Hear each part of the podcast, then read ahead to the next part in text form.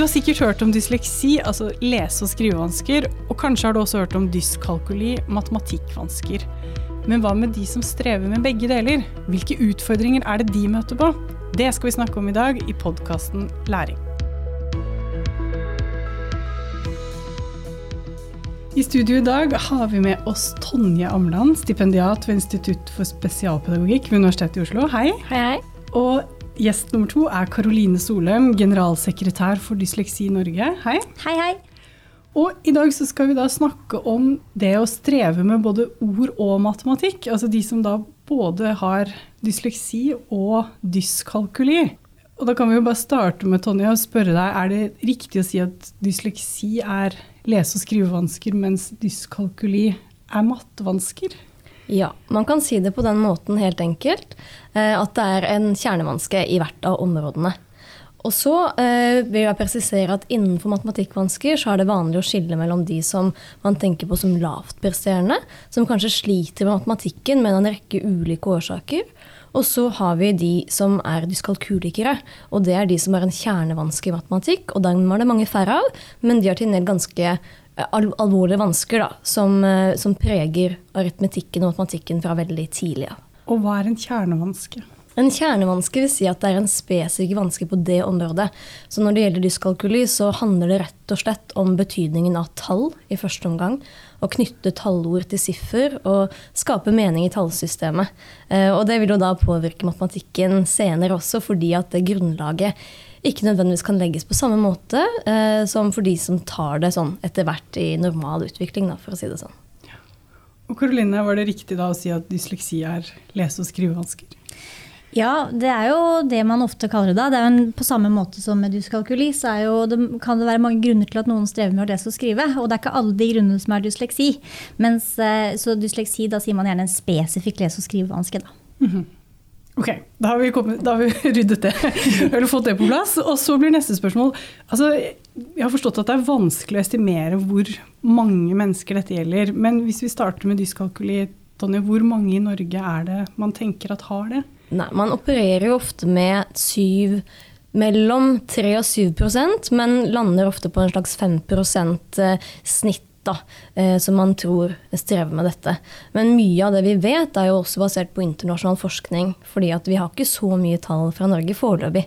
Ok, Og da er det av den totale befolkningen, altså både gamle og små barn? Ja. Ja. Eh, selv om det har vært såpass lite diagnostisering at man vet kanskje ikke hvor mange dyskalkulikere vi har blant den voksne befolkningen, eh, men vi vet mer og mer om forekomsten også her i Norge. Da. Mhm.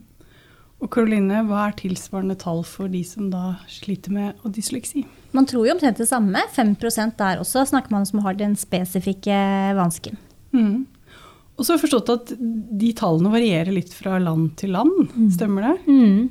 Og det er, det er sikkert ganske komplisert, og det kan sikkert noen forskere forklare enda bedre enn meg også. Men eh, det er jo sånn at eh, det kan sikkert handle om at man definerer vanskene litt forskjellig. Og så kan det handle om at eh, selv om disse vanskene ikke er eh, Det skal ikke være noe forskjell da, på hvor mange som har de vanskene i det ene eller det andre landet, men det språket man snakker, vil på, kanskje påvirke hvor, hvor store problemer man får. Da. Og da ser man sånn som engelsk, som man ofte regner som et veldig vanskelig språk. I engelskspråklige land så snakker man ofte om flere enn man gjør i Norge, f.eks. Og i Finland færre, f.eks. Ok, Da har vi skjønt at det er, dette gjelder jo en gruppe mennesker, uavhengig av da, om det er 5% eller 10% Det viktige her er at vi skal snakke i dag om hvordan det påvirker de det gjelder. Ehm, og da skal vi da snakke om de som har begge deler. Kan du starte med å fortelle litt om det, Tonje? Ja, vi vet jo det at av de som sliter med dyskalkuli, eller som diagnostiseres med det, så er det nesten halvparten som også har dysleksi. Og det er noe man ikke har visst så veldig mye om. Det har vært en del ting man har sett på som tegn på dysleksi tidligere, som egentlig kan handle om dyskalkuli. F.eks. det at man bytter rekkefølgen på tall. At 48-84 blir veldig vanskelig å, å skille. Og man har kanskje tenkt på det at det handler om symbolene og knytta det til bokstaver. Men så ser man da at det her faktisk er noe som henger tettere sammen med aritmetiske, altså regneferdigheter, seinere eh, enn nødvendigvis med lesing. Og så eh, er det jo da som sagt nesten halvparten av de som eh, diagnostiseres, som har begge vanskene samtidig. Og det vanskelige med det er jo at det blir en kombinasjon av de utfordringene man har på det ene feltet med det andre, som også kan gjøre det vanskelig å bruke sånne kompenserende strategier. Da. Så det er en ganske sårbar gruppe. Uh, ja. Og kompenserende strategier? Ja, da mener man jo ofte at hvis man f.eks. kun har vansker med tallene, så kan det hende at den lesebiten kan hjelpe deg som, som sånn, en støtteramme rundt for å allikevel løse mange av utfordringene du møter, og motsatt. Men hvis det er ganske vanskelig på begge områder, så har man eh, kanskje ja, la oss si, færre bein å stå på i form av å selv finne ut av disse tingene. Så de som sliter med begge deler, trenger oppfølging, og de trenger å oppdages. Og det er kanskje noe av det som jeg tenker bør settes på agendaen. At når forekomsten er så høy eh, av begge deler samtidig, så bør man kanskje utrede for begge deler. Mm. Og Karoline, hva er deres erfaring med om det blir utredet for begge deler? Det er jo eh, det er veldig interessant å høre på det du sier. Dette, vi opplever jo uh, dette uh, ofte, at vi har medlemmer som får den ene diagnosen, og derfor så får de ikke den andre. Kanskje man ikke er nysgjerrig nok til å lete mer. Man tenker at nå har vi dokumentert en lesevanske, kanskje den også forklarer problemer i andre fag. Men så burde man jo være nysgjerrig på, på hele vanskebildet, for først da kan man jo hjelpe barnet ordentlig på en riktig måte og sette i gang riktig tiltak. Så vi er helt enig i det. og opplever helt klart at det er veldig mange som får beskjed om at ikke de eh, trenger utredning. Eh, særlig på matematikkvansker. Det er helt klart sånn at vi er bedre på å utrede eh, dysleksi enn dyskalkuli i Norge. Sånn opplever vi det i hvert fall. Ja, og Hva tror dere grunnen til det er, da? Jeg tror kanskje at historisk sett så har det vært fokus på lesing, som jo er naturlig. Det er en indikator på vekst i samfunnet, og det sier noe om hvor stor tilgang man har på informasjonen som foreligger i samfunnet. Så lesing har jo blitt identifisert som en kjempeviktig ferdighet å mestre. Eh, og når man da bestemte at alle skal kunne lese, jo, så blir det jo veldig viktig å ivareta de som sliter med den tidlige lesinga. Eh, så historisk sett så er det kanskje derfor det har vært et større fokus. Og så har man da etter hvert sett at det er noe um, i matematikken også som kan være en kjernevanske på lik linje med det. som man ser nå at er veldig viktig for voksenlivet, for karriere, for det man kaller akademisk selvbilde. Altså hvordan man oppfatter seg selv uh, som person i skolen. da. Så da tenker man at det er veldig viktig å kunne oppdage begge deler. Mm. Karoline, er det noe dere har merket en økt pågang fra medlemmer som snakker om begge deler de senere årene, eller har det vært sånn lenge, eller? Tror i hvert fall at man generelt snakker om matematikkvansker mer enn man har gjort før. Og det er absolutt på tide. Eh, for det er jo, jeg tror det er som Akkurat som du sier at eh, det er, eh, man historisk sett har sett mindre på det. Lesing er noe som i større grad rammer en elev eller en student i alle fag. I alt man skal levere akademisk. Mens matematikk er kanskje noe mer avgrenset. Men det er jo ikke mindre dramatisk for den enkelte av den grunn. Og man ser jo, Du trenger jo matematikk for å beherske veldig mange ferdigheter i, i hverdagen hverdagen, altså for å klare deg privatøkonomisk og på mange måter. Mm. Så, så, det at matematikkvansker får, eh, får, mer oppmerksomhet nå, det er, det er absolutt på høy tid. Mm. Og så har man jo kanskje trodd at mange av de vanskene man har sett i matematikk, dreier seg om en konsekvens av mm. eh, dysleksi. Det kan det jo være. Mm. Det kan jo være sånn at f.eks. dette med tekstoppgaver er kjempevanskelig, nettopp fordi at kjernevansken er lesing. Eh, men så er det da sånn at det er ikke nødvendigvis en følgevanske. Man må se om disse to vanskene faktisk opptrer eh, samtidig. Så det, det, er det man kaller komorbiditet, kontra det at man har én vanske som også påvirker andre domener. da. En gang til. Det kaller man Komorbiditet. Komorbiditet? Ja. Okay. Eh, og, ok. Så det er da et skille mellom de som kan streve i matematikk fordi de ikke klarer å lese teksten? For eksempel. Mm. Men så har du da den andre gruppen som da kanskje strever med begge deler, uavhengig av hverandre? Nettopp. Ja. Så det er to uh, uavhengige uh, mønstre på en måte som man sliter med. Uh, og så til sammen da så skaper det et bilde der eh, verken eh, tallene gir så mye mening, eller bokstavene. Da. Mm. Så det vil jo være noe annet enn at man eh, strever i matematikken fordi man ja, f.eks. har dysleksi, eller andre eh, utfordringer. Eh, om det er oppmerksomhet eller altså konsentrasjonsvansker. Um, så, så, det at det er faktisk så mange som har begge deler i like stor grad, det, det er kanskje ikke så mange klar over, da. Nei. Og du har forsket litt på dette nå. Mm. Kan du fortelle litt om hva dere har gjort, og hva dere fant? Ja. Det er jo sånn at Vi vet som sagt at det er mange som uh, kan slite med begge deler, men vi vet ikke helt hvorfor det er sånn. Og da har det vært ulike forslag til hva som er den underliggende faktoren. Og det vi prøvde å finne ut i, i det studiet som vi nylig publiserte, det var jo det om dette med fonologisk bevissthet, altså evnen til å høre enkeltlyder i språket eh, og identifisere disse, eh, kan være en mekanisme som er gjeldende både i regning og i lesing. For vi vet at i dysleksi så er det noe som er veldig sentralt. Og så har noen forskere foreslått at når man tenker på tall og prosesserer tallfakta, som f.eks. 2 pluss 2, 4 pluss 4, så er det en slags eh, fonologisk eller lydkode man lager det i. Så man har trodd at ok, det kan være grunnen til denne komorbiditeten som vi ser. Eh, så vi har rett og slett testet den hypotesen ved å se på barn fra barnehagen til første klasse, og så se da om denne lydoppfattelsen, den fonologiske bevisstheten tidlig, henger sammen med utviklingen både av lese- og eh, regneferdigheter. Men så så vi det at selv om det har en viss sammenheng, så virker det ikke som det er den eneste eller den største nøkkelen. Um, og da vet vi at det er andre ting man også må se på, som f.eks. hukommelse. Det vi kaller arbeidshukommelse, der man skal bruke informasjon aktivt. Eh, manipulere denne informasjonen eh, samtidig som man jobber med noe. Da. Og den er med, det begrenset kapasitet, og vi vet at det spiller en rolle i veldig mange ferdigheter. Men det kan også være en nøkkel i dette med sammenhengen mellom lese- og skrivevansker og regnevansker. Da. Det høres jo veldig spennende ut og samtidig ganske komplisert ja. å finne ut av disse tingene. Mm. Men det, jeg tenker jo at det må jo ha veldig mye å si for de det gjelder, Karoline. Altså at man kommer mer til bunns i Absolutt. Det er jo kjempeviktig. Ikke minst fordi en ting som, og det vi snakker mye om her nå, er å finne ut hvem som strever.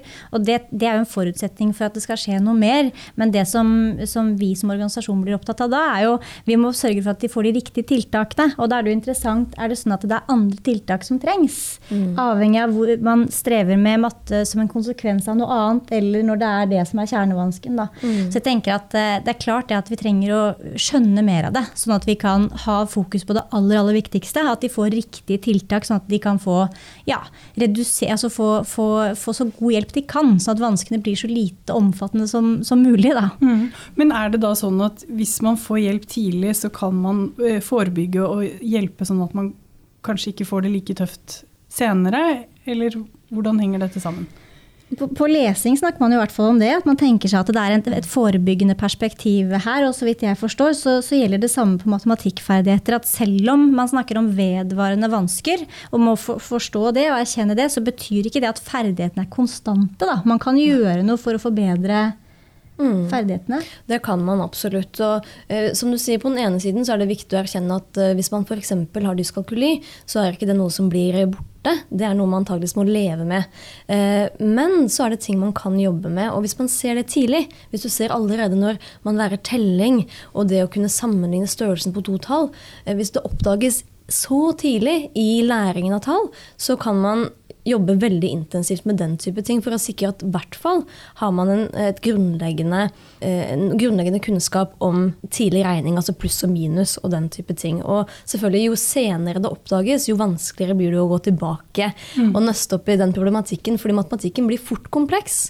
Og den forgrener seg ut i stadig flere domener, som da gjør at eh, hvis du har slitt i flere år, så er, har du jo kanskje en enda større utfordring. Men hvis man blir bevisst på det og forstår at dette her er en kjernevanske som man kan bruke andre strategier da, for, å, for, å, jobbe med og håndtere, så tror jeg man kan eh, lykkes veldig veldig bra. Jeg vet man kan lykkes veldig veldig bra til tross for at man har dyskalkuli eller også begge deler. Mm. Men tidlig innsats da er jo det, det nøkkelbegrepet som man ofte tenker på da, for, å, for, å, avhjelpe de som sliter. Mm. Og det er jo et viktig poeng, Karoline, det med å løfte fram de historiene om at det går veldig bra for mange, på tross av at man har disse vanskene. Absolutt. Vi må jo erkjenne, jeg tror det er viktig for de det gjelder, at de, de, får hjelp av at man erkjenner at dette er vanskelig. Det er lov å erkjenne det, men man kan ikke gjøre det på en sånn måte at det virker som at alt håp er ute. Nei. Man må få til å kommunisere at det kan gå veldig bra, og det fins hjelp å få, og ting mm. man kan gjøre for, mm. å, for å klare seg veldig fint.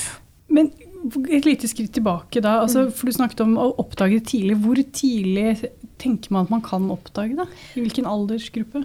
Nei, altså Det blir jo ofte i overgangen barnehage-skole, når man går fra det, den uformelle læringen til den formelle. Og det er mange som kan telle ganske tidlig, men det å kunne en telleregle betyr ikke nødvendigvis at man har noen forståelse av hva disse tallene betyr. Veldig mange teller 1, 2, 3, 4 som en slags regle. Um, og så er det først litt senere at man klarer å knytte noe betydningsfullt til disse tallene. Så helt i starten når man skal da lære seg f.eks. tallinja, uh, hva er det tre er i forhold til to? Og at det er faktisk én mer, og at fire også er én mer enn tre. Når de tingene er veldig vanskelig å forstå, før man egentlig begynner med pluss og minus, så kan man kanskje da som forelder eller som lærer eller som barnehagepedagog være obs på, på, den type ting. Men så må man jo se at det er et mønster over tid for å kunne konkludere og for å kunne ha et grunnlag for å, å skulle diagnostisere. Men spesielt da med sånn det man kaller tallfakta. At man kjapt kan se at åtte er større enn fire, og man kjapt kan se at to pluss to er fire. De tingene er ganske vanskelige eh, for en dyskalkuliker å, rett og slett forstå og kunne bruke effektivt. Mm. Ok, Hvis man skal gjøre en faglig vurdering, hvilke elementer er det som er med da? Og hva er det som skal til for at det skal være en god vurdering? Nei, Det er flere ting man må ta hensyn til. Som jeg nevnte, så er det jo dette elementet at det er vedvarende. Så det holder ikke å utgjøre dette én gang. Altså det er en prosess der det er flere eh, tidspunkter man undersøker de samme måtte, ferdighetene, eller eh, hva man får til og ikke. Og sentrale elementer da, det er jo, sånn som jeg sa, det å kunne sammenligne størrelsen på to tall. Så i en eh, ganske kjent eh, engelsk screener f.eks., som er utviklet av en pioner egentlig på feltet som heter Brian Butterworth, eh, der er det noen sentrale elementer som går an, som bør være med i en god screener. Og det er f.eks. det å knytte et tallord til antall prikker på en skjerm. Om det, om det er eh, en match mellom antallet prikker og det tallet eller tallordet som vises. Og så er det å kunne ta en vurdering på hvilket tall er størst av disse to tallene. Og eh, det kan ta ganske lang tid å ta en avgjørelse på hvis man sliter med betydningen av tall. Og så er det også den tidlige aritmetikken. Det er en forlengelse av de helt første. Så de helt enkleste kan jo brukes med barn som ikke har begynt å regne engang for å se dette her med å ta en avgjørelse kjapt på hvilke tall som er størst, f.eks. Og så er det ofte vanlig å også ha regnestykker, pluss- og minusoppgaver, som eh, man da ser får barnet det til, og hvor lang tid tar det. Og en tredje ting man kan se på utover det, det er det vi kaller strategier, regnestrategier. Og etter hvert som barna skal ha begynt å lære seg å regne, så ønsker man at eh, de skal kunne lagre disse regnefaktaene eh, på en måte i hukommelsen, så de ganske fort kan hente igjen det svaret. F.eks. 2 pluss 2 er 4. Eh, men hvis man ser at et barn da fortsatt teller på fingrene hver gang, og så ikke klarer å, å hente fram det fakta, og har ikke lagret det som informasjon, så kan det være et tegn på at eh, den tallforståelsen ikke er der helt. Så disse elementene vil være sentrale å se etter, både eh, i en lengre kartleggingsprosess og i en sånn enkelt eh, screener, da, som man kaller det. Mm. Og den gjøres da av fagfolk? Det bør gjøres av fagfolk, ja. ja. Og det har kommet noen forslag til digitale varianter av dette her, som kanskje også kan brukes av lærere, der man får en innføring i hvordan man bruker det, og hva det betyr, de forskjellige komponentene. Men eh, så langt så vet jeg ikke helt hvor mye som brukes av den type verktøy eh, i Norge per dags dato. Det jeg vet, er at når det gjelder dysleksi, så har man flere verktøy, og det har vært eh, historisk sett mer tilgang på verktøy som fagfolk bruker, og som ofte lærere også har ganske god kjennskap til hvordan det ser ut. Mm. Men da, Karoline, hvordan ser det ut da for altså foreldre når de mistenker at det er noe? Hva, hva, er gangen i det mm. da? Ja, for Det starter jo ofte der, at foreldre er bekymra. Det kan også selvfølgelig starte med at lærere er bekymra, men, men, ofte kommer det fra foreldre, er vår, vår erfaring. Og også kanskje fordi det finnes en arvelig komponent her. Så mange familier vet at dette er i familien og er litt ekstra oppmerksom på det. Og da er det litt forskjellige ting som man som forelder skal huske på eh, hvis man er, eh, vil vite mer. Og det er at selv om man ganske tidlig kan undersøke litt sånn man kan se, eh, se, på ferdighetene og sånne ting. Og fagfolk kan gå inn og undersøke og starte med tiltak og komme i gang. Så er det ikke sånn at man kan sette diagnosen, stille diagnosen veldig tidlig. Det må man vente litt mer med. Det er liksom forskjell på det. Da. Man kan likevel gå i gang, undersøke ferdigheter og gå i gang med tiltak. Og så er det sånn at når man skal ha en utredning, da, en, en, eh, bekrefte om det er en diagnose eller ikke, så gjør man gjerne det innenfor det som Da bruker man en såkalt sakkyndig vurdering i det. Eh, det vil si det er det man har rett til å kreve som forelder. Det gjelder både i barnehage og eh, i grunnskolen. Og for så vidt i videregående også, men da er det ikke så vanlig med, med det. da. Så en sånn sakkyndig vurdering som man kan kreve, den er jo egentlig ment for å vurdere om barnet har behov, eller eleven har behov for spesialpedagogisk hjelp eller spesialundervisning. Så veldig mange syns det høres rart ut, for det er ikke alltid det er aktuelt med spesialundervisning. Men det er sånn det er, sånn hjemla i opplæringsloven.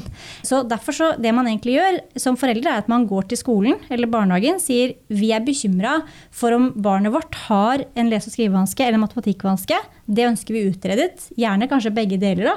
Mm. Eh, fordi det er såpass vanlig å ha begge deler. Og så eh, gjør, gjøres en sakkyndig vurdering for å vurdere om barnet har en diagnose, men også hva slags rettigheter barnet har. Så det som er viktig eh, å forstå, er at sakkyndig vurdering det er mer enn bare en utredning. Den skal også ta stilling til hvilke rettigheter barnet eller eleven har seinere. Det kan være sånne ting som tilrettelagt eksamen, bruk av lydbøker, eh, fritak fra vurdering i sidemål, sånne ting, da. Hva er rollen til læreren oppi dette, Tonje? Nei, For læreren så tror jeg det i utgangspunktet gjelder å kunne litt om det. Det er jo selvfølgelig ikke en forventning til at man skal være en fagperson som skal utrede og kunne eh, identifisere og se alle kjennetegnene. Men bare det å vite at det er noen som har dyskalkuli, og f.eks. det med de helt tidlige regningene at de tallene ikke gir mening, det kan jo være en pekepinn for en lærer. Og så vet man jo også at når noe er vanskelig, så er det ofte fristende å gjøre noe helt annet. Det gjelder både voksne og barn.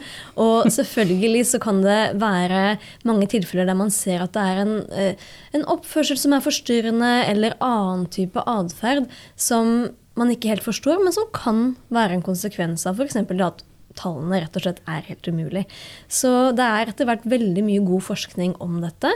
Ja, vi ligger et stykke bak eh, forskningen på lesing og, og lese- og skrivevansker, men det er stadig vekk mer kunnskap og metaanalyser, som vi kaller det, altså sånne kunnskapsoversikter, som eh, er tilgjengelig på nettet. Så man kan lese seg litt opp og i hvert fall få litt sånn følelse på hva er dette her for noe, og, og hvordan kan man som lærer hvert fall tenke litt over det kan, om det kan foreligge. da. Og det er jo viktig fordi man vet at uh, dyskalkuli skaper en større risiko for å f.eks. slutte på skolen. Og også det som jeg nevnte med, med, unngåelse. Det er noe som går an. at Hvis man unngår eh, matematikken hele veien fordi det er så vanskelig, så har jo det konsekvenser eh, resten av livet. Så det er virkelig viktig å kunne identifisere de vanskene når det foreligger, eh, og helst så tidlig som mulig. Da. Mm. Og Karoline, så var vi innom det i stad, og det er jo et poeng å fremheve alle det går veldig bra med også. Mm -hmm. mm.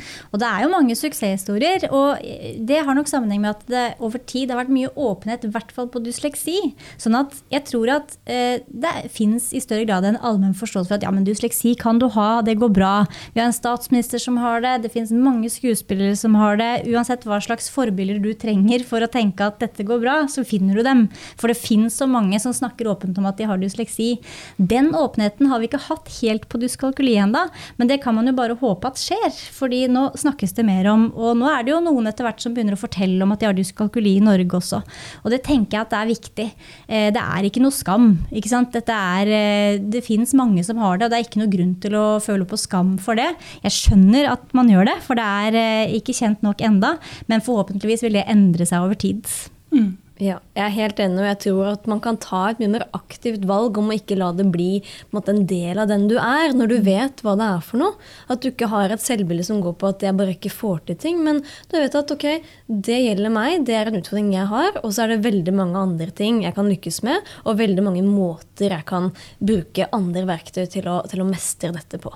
Mm. Snakker om, nå snakker vi veldig mye om det man ikke får til. Vi snakker om vansker. Vansker med lesing, vansker med skriving, vansker med tall. Alt det er negativt. Ting man ikke får til. Eh, og det er jo helt reelt, og det må man anerkjenne at det er vanskelig for dem. Men dette er jo likevel mennesker som selvfølgelig har sterke sider, som er gode på noe. Og det kan man lete litt mer etter, og være litt nysgjerrig på hva de sterke sidene er. Men kanskje ikke sånn at man tenker at det er en fasit. sånn som Nå snakker vi jo her om at man har de som har både lese- og skrivevansker og matematikkvansker samtidig. Og det er ikke sånn at fordi du er god til å lese, så blir du dårlig med matematikk, eller omvendt. Det er ikke så enkelt. Men det som er helt sikkert, er at alle har noen sterke sider, og de får man lete litt etter, da. Det var fine ord å avslutte med. Tusen takk for at dere kom hit i dag, begge to. Tusen takk. Takk. Takk for at du hørte på denne episoden. Mitt navn er Elise Koppang Frøyd, og sammen med Marika Vartun har jeg gjort research. Shane Colvin har vært produsent, og du kan følge oss på Det utdanningsvitenskapelige fakultets Facebook-side. Vi høres!